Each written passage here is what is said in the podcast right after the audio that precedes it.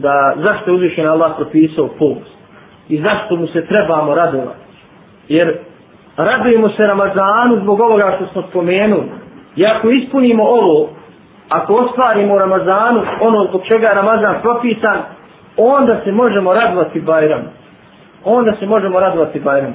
Jer zašto je uzvišeni Allah dao iza Ramazana Bajram kao uh, naš praznik E, za radost i veselje, baš zbog toga da se u tom danu i u tim danima vjernici raduju onome što su učinili u mjesecu Ramazana.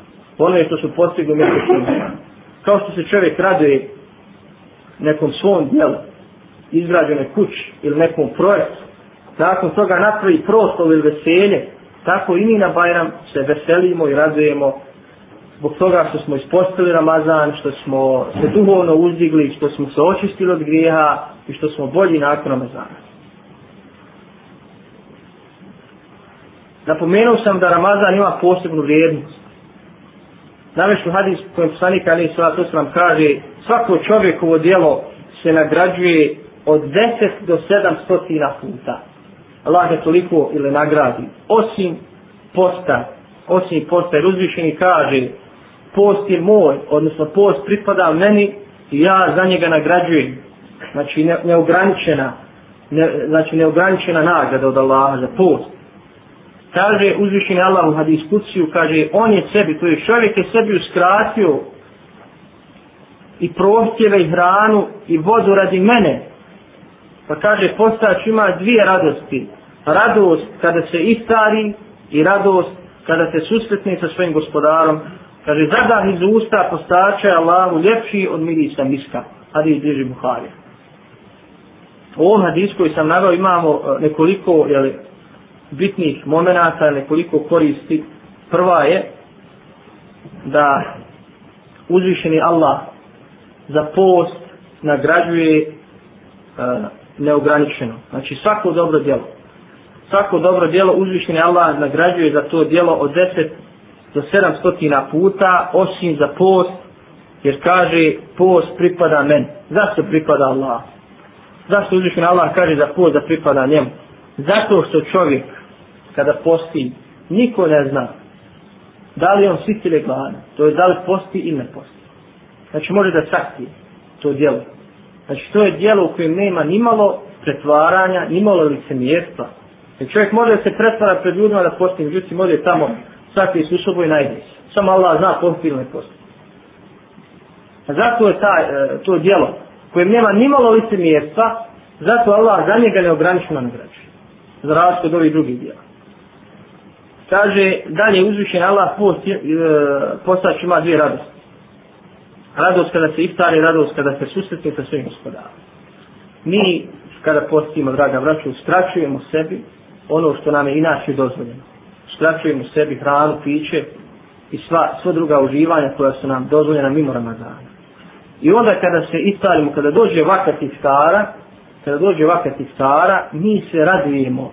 Mi se radujemo zbog toga što smo ispostili taj dan i zbog toga što nam je postalo dozvoljeno ono što je naša navika, svakodnevna navika, da se najdemo i napijemo.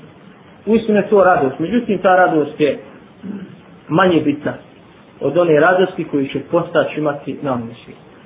Zbog čega?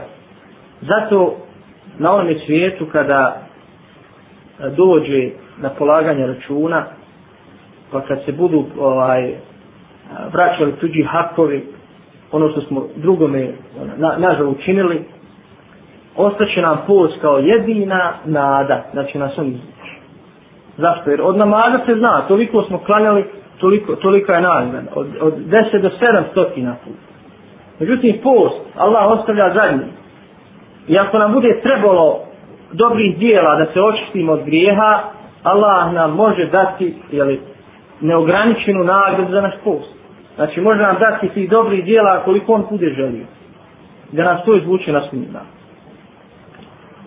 To je najveća radost, pazite. I svaki iskren vjernik više se raduje tome nego obilnoj sofri i ukusnim iftarima. Malo se ko, jel ovaj raduje e, tim ukusnim iftarima i ovaj lijepom društvu više nego što se raduje uh, onome što će naći na sudnjem danu. Jer to je za nas najbitnije za vjernike. Zato uzvišeni kaže وَمَا تُقَدِّمُ لِيَنْفُسِكُمْ مِنْ خَيْرٍ تَجِدُوهُ عِنْدَ اللَّهِ Ono što uradite za sebe od dobra ili što priložite sebi na svoj račun od dobra, naćete to na sudnjem danu.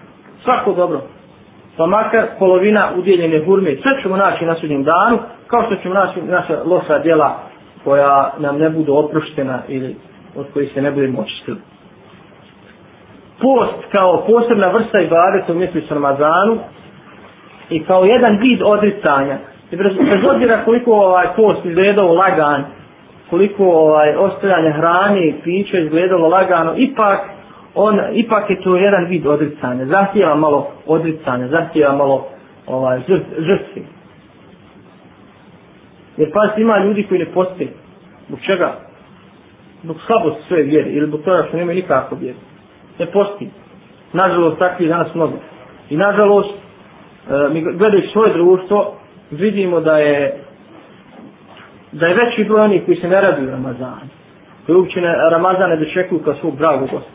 Na početku sam zaboravio spomenuti zašto zašto kažemo Ramazan je naš dragi gost i njemu se radujemo.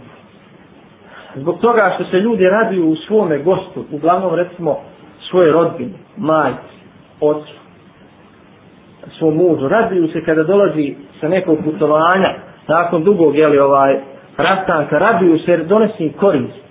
Donosi im korist. Zato se vjernici raduju Ramazanu, što Ramazan donosi korist. Jer da je Ramazan koji ostali, da je Ramazan mjesec, samo mjesec a, druženja i lijepih gozbi i mjesec ilahe i kasida, malo kod se radilo ono, o, ovom radeću kojom se mi radimo. To je mjesec prije svega i badeta, mjesec kao smo rekli čišćenja, duhovnog čišćenja, uzdizanja i zbog toga se najčešće radimo. Ovdje, kao što sam kazao, bitno, znači, ne samo da ostavimo uh, hranu i piće, nego je bitno, što je također svrha posta, da ostavimo sve svoje grijehe prije svega, da čuvamo svoj jezik, da čuvamo svoje oči, da čuvamo svoje uši i da čuvamo svoj stomak od harama. To je znači također jedna svrha i cilj posta.